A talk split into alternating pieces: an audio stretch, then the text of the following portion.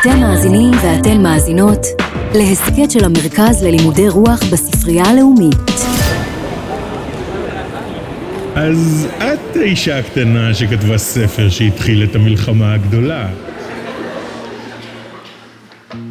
כך שואל נשיא ארצות הברית אברהם לינקולן את הריאט ביצ'ר סטו.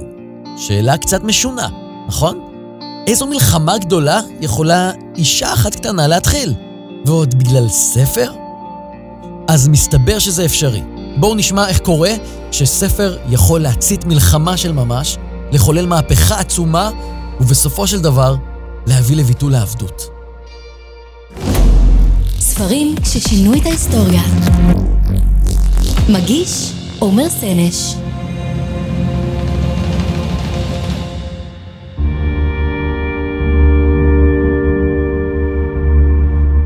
תארו לעצמכם שנולדתם למציאות שבה אתם נחשבים לרכוש, לרכוש של אדם אחר. שמישהו יכול להעביד אתכם בלי משכורת, להכות אתכם מתי שבא לו, ואולי אפילו להפריד אתכם ממשפחתכם ולמכור אתכם הלאה למישהו אחר, כמו חפץ. זה הסיפור של העבדים שהובאו לאמריקה מאפריקה במהלך המאה ה-16. זהו גם הסיפור שמספרת האריאט ביצ'ר סטו בספר אוהל הדוד תום, ספר שיצא לאור ב-1852. גיבור הספר הוא תום, שכולם קוראים לו הדוד תום. בתחילת הספר, הדוד תום הוא העבד הראשי באחוזה גדולה, ויחסית לעבד באותה התקופה, יש לדוד תום הרבה מזל. הוא חי חיים יחסית נוחים, יחסית לחפץ. הוא מתגורר עם אשתו וילדיו בבקתה בשטח האחוזה. בני המשפחה שהוא משרת דווקא מתנהגים אליו יפה, הם מחבבים אותו. כל האידיליה הזאת, היחסית, נכונה עד שיום אחד בעל האחוזה נקלע לקשיים כלכליים, והוא נאלץ למכור את תום.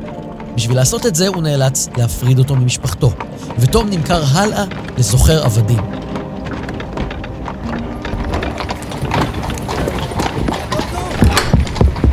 תום! ג'ורג'! מה אתה עושה כאן? אסור לך להיות פה, ילד. איזה חוצפה, למכור את הדוד תום שלי? חבל שאני כל כך צעיר, אחרת לא הייתי מניח להם למכור אותך, דוד תום. אני כל כך שמח שהצלחתי לראות אותך ולהיפרד ממך. מה זה? למה זה על הרגליים שלך? אני הולך להרוג את המנוול הזה שהעז לקשור את הדוד תום שלי בכבלים. אה, עז- עזוב, אל תכעיס את האדון החדש שלי. בסדר. למענך אשתוק הפעם. טוב מאוד, ג'ורג'. תזכור לשמוע בכל הוריך, ושמור על אימא שלך, היא אישה טובה מאוד. תבטיח לי. אני מבטיח לך, דוד תום. וגם תמיד תשמור על לשון נקייה. אציל אמיתי לעולם לא מנבל את הפה. אתה לא כועס עליי שאני אומר לך את זה, נכון? דוד תום, אתה תמיד אומר לי דברים נכונים. יש לך מזל, אדון ג'ורג'. יש לך הורים שאוהבים אותך והזדמנות לקבל השכלה טובה. אין כמו השכלה טובה לחיים טובים. תזכור את זה? כן, דוד תום. אותו סוחר מוכר אותו הלאה למשפחה חדשה, שקונה אותו לאחר שהציל את ילדתם הקטנה מתביעה. ובני המשפחה החדשה הזו שקנתה אותו, מתייחסים אליו לא רע, בשביל עבד. נראה שאפילו שתום הופרד ממשפחתו ושהחיים שלו לא היו כל כך פשוטים, אלוהים, שבו הוא מאמין, עדיין סוג של שומר עליו. ברור שבעולם שבו אנשים הם רכוש, הגורל של תום היה יכול להיות גרוע בהרבה. ואכן, כמו שתיארתם לעצמכם, מגיע השלב הזה בספר, שבו מזלו הטוב של תום אוזל, והוא נמכר בשלישית, והפעם לאדם אכזרי ונורא, שמתייחס אליו רע מאוד. הוא מעביד אותו בפרך, במטע כותנה, מכה אותו מדי פעם, סתם ככה כי בא לו, נותן לו רק אוכל דלוח, ובקושי מאפשר לו אפילו לישון. וזה לא רק הסיפור של תום. בחווה החדשה הזו שבה הוא משרת, מצבם של כל העבדים קשה מאוד. אפילו העבדים החזקים והצעירים יותר לא מצליחים לשרוד לאורך זמן, הם פשוט מתים מרוב תשישות ומחלות, ובעיקר בגלל ההתעללות הנוראה הזו מצד בעלי החווה. עלמה קאסי, לו רק יכולת להסתלק, לו- רק אפשר היה, כי אז הייתי מייעץ לך ולעלמה אמלין לעשות זאת. אבל רק אם תוכלו לעשות זאת מבלי לשפוך דם. ולא, אל תעשו זאת. ואתה תבוא איתנו? היה זמן שהייתי בא איתכן, אבל עכשיו אני חייב להישאר בין האומללים האלה. אצלך הדברים אחרת. את, מוטב שתסתלקי מכאן אם רק תוכלי. איני רואה מפלט אלא בקבר. אין יצור חי שאינו יכול למצוא לו בית במקום כלשהו. אפילו הנחשים והתנינים יש להם מקום משלהם שהם יכולים לרבוץ שם בשקט. אבל לנו אין מקום. אפילו בעמקי הביצה ירדפו אחרינו הכלבים וימצאו אותנו. אפילו החיות נגדנו. לאן נלך? מי שהציל את דניאל מגובה האריות, הוא יציל גם אותך. שאי אליו תפילתך. אנסה לעשות כדבריך, תום.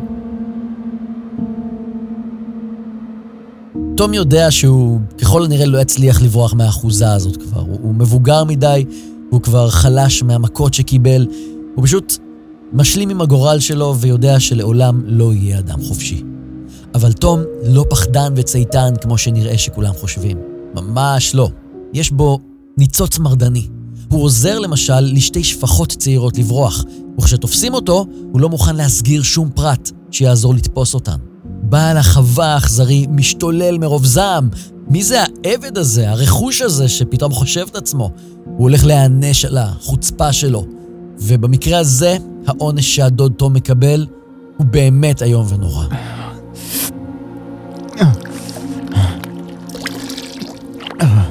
תודה לך, גברתי. אל תקרא לי גברת, אני שפחה כמוך.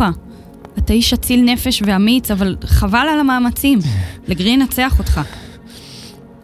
יש לנו הזדמנות לברוח, תום. לגרי שוכב שיכור, ואם נהרוג אותו נוכל להימלט. אף אחד לא ירדוף אחרינו. אני לא ארצח אף אדם אחר, אפילו לא את לגרי. אם כך אני אהרוג אותו בעצמי. לא, אסור לרצוח שום אדם, אפילו אם הוא אויב. אבל את ואלמינה, אתם יכולות לברוח גם בלי לרצוח.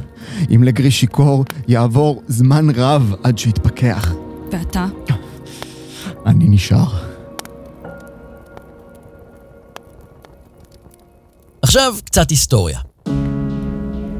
במאה ה-19 ארצות הברית היא עדיין מדינה צעירה יחסית, ובשלב הזה היא נחלקת לשני מחנות, הצפון והדרום. בצפון כבר השכילו להבין שעבדות היא דבר נורא, ושפשוט אי אפשר לנהוג בבני אדם כאילו הם רכוש. בני אדם הם לא רכוש. בדרום, לעומת זאת, עדיין חשבו שאנשים כהי עור הם נחותים, שלא מגיעות להם זכויות ושאפשר להשתמש בהם כמו בחפצים ולהעיף אותם, לזרוק אותם בתום השימוש. על רקע המתח הגדול הזה בין הצפון והדרום בארצות הברית, נכתב אוהל הדוד תום. הרומן הזה גרם לאנשים רבים במדינות הצפון להיות מודעים לסבל של העבדים, וקידם את התנועה לשחרור העבדות. תשע שנים אחרי שהספר יצא לאור, ב-1861 נבחר לנשיאות הנשיא הראשון מטעם המפלגה הרפובליקנית, אברהם לינקולן. מדינות הדרום, שידעו מראש על ההתנגדות שלו לעבדות, פרשו מהברית המשותפת של ארצות הברית, והדרך למלחמת האזרחים האמריקנית בין הצפון לדרום נסללה. זאת הייתה מלחמה נוראה, מלחמה עקובה מדם שנמשכה ארבע שנים תמימות, ובסופה, לאחר הרבה טלטלות ותנודות ושינויים דרמטיים, הצפון גבר לחלוטין על הדרום, והעבדות בוטלה לחלוטין בכל חלקי ארצות הברית. הריאט ביצ'ר קרו הייתה אישה יוצאת דופן. היא חונכה להאמין שהיא צריכה לעשות כל מה שהיא יכולה כדי לשפר את העולם. היא הייתה כותבת מוכשרת ביותר כבר מגיל מאוד צעיר, והחליטה לכתוב על נושא שהכירה מקרוב. היא רצתה שכולם בארצות הברית, וגם ברחבי העולם כולו, יכירו בתנאי החיים המחפירים של העבדים השחורים. לביצ'ר קרו היה חשוב שהקוראים ילמדו להכיר את החיים של העבדים, שיקשרו אליהם רגשית וממש יחזיקו להם אצבעות. נכון, מבחינה אומנותית, ספרותית, היה לה חשוב לספר סיפור מרגש ויפה ואנושי, אבל בעיקר היה חשוב לה לגרום לכולם להסתכל מסביב ולהבין שאי אפשר להמשיך ככה, שהמציאות מוכרחה להשתנות, שכל בני האדם זכאים לזכויות אדם.